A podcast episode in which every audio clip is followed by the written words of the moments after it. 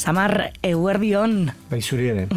Bueno, gaurkoan, bagai bat oso aproposa datarekin ere bat egiten duela, urriaren hogeta maika dugu, domun santu be, e, bespera, eta eriotzearen inguruko herrituen inguruan mintzatuko gara. Asko eta dira euskal kulturan, ez? Eriotzari lotutako herrituak.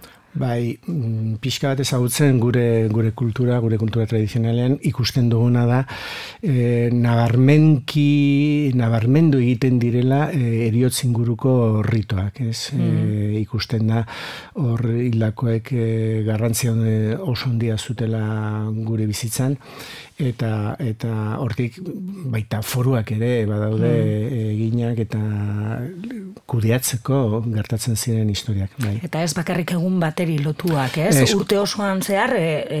hori da orain iduridu bakarri dela egun bateko kontua urtean behin ez? Mm baina ez ez gure kulturan ikusten zen kasik herrietan kasik eguneroko kontu bat zela zen e, maztekiek. Maztek beti representatu dute etxea espiritual den gauzetan eta Elisa representante etxe, etxeko representante uh -huh. gisa bakasik egunero jaten ziren e, zea rosario e, erretzera edo ez e, uh otoitzera edo zeana. Eta dakigun bezala herri txikietan oso nabarmena iparraldean Ilerriak Elizaren inguruan daude, Elizaren sarrean daude. Uh Alegia, Elizara joatea zen Ilerrira joatea.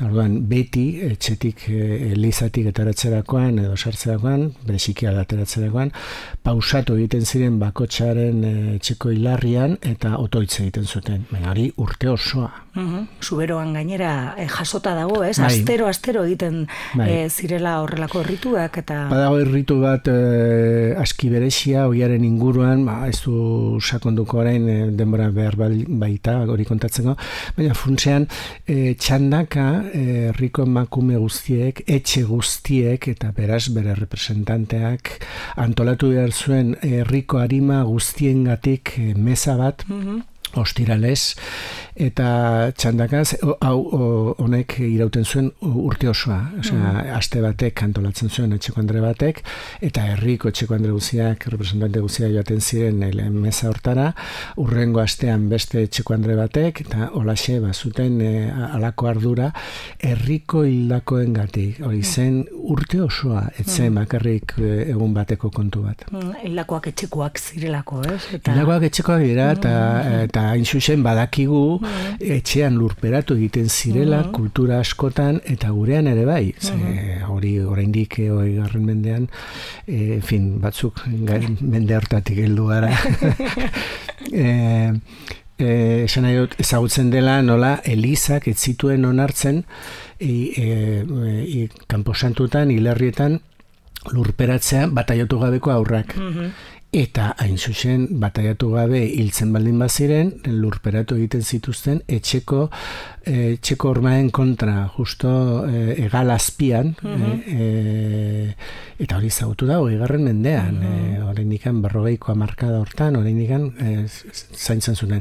Ona dira, pesak, onartzeko bataiatu gabeko deabruak deitzen zituztenak. Mm hildakoak ere agertu, eta horrelako bai e, bueno, ba, kontuak ere badira bai. gure kulturan, ez?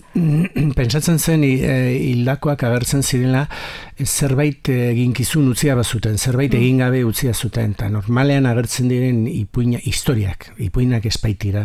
Bildu diren sinismenak eta jende nagusien gandik bildu direnak, izan dira, ba, gerta zitekela, ba, hildako bat e, etxean agertzen. Eta nola agertzen zen, ba, aize boladak lehioak itxe bat batean, golpeka, edo atariak, edo, eta orduan norbait zebilelakoan e, etxean. Animaren bat. Hori da, animaren bat. Mm-hmm edo argi bat bezala gertzen mm. zena, zuzen bildu dena da, zenbait okitan, argiliak bezala deitzen zituztela.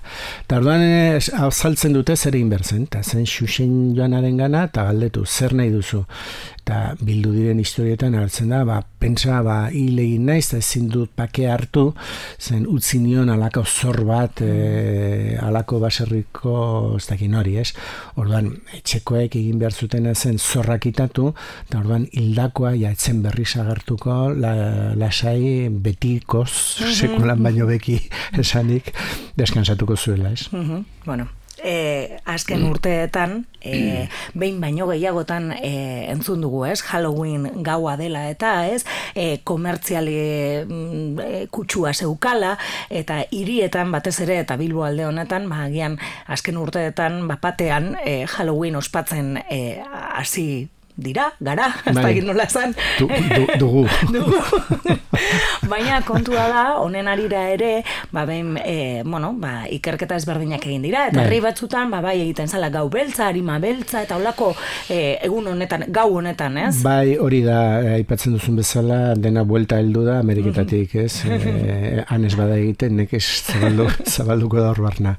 Baina, bai, ezautzen da, ez da sobera zabaldua izan, baina, bai, bizkaitik hasi Italieta eta Nafarroan bitarteko herrietan bildu izan da e, nola e, azteko harimen gaua deitzen zaio mm. edo gau beltza beste tokietan mm.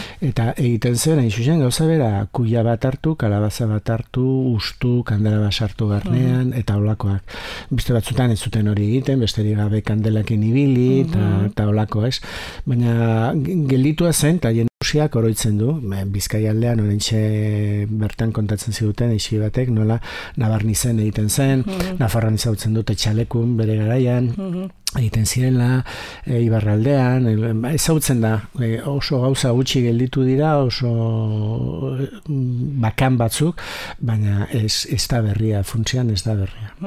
Hirietan agian ez Halloween bai, edo ez da. dugu eta eta diozun bezala beti dago enpresa handi bat komerzializatzeko moduen eta sosak ateratzeko moduko edo zein oituratik bai eta festa e, aitzaki bilakatu bai. eta festa egin eta... festa egin bai bai hosteleriak beti hor dago. Hor dago.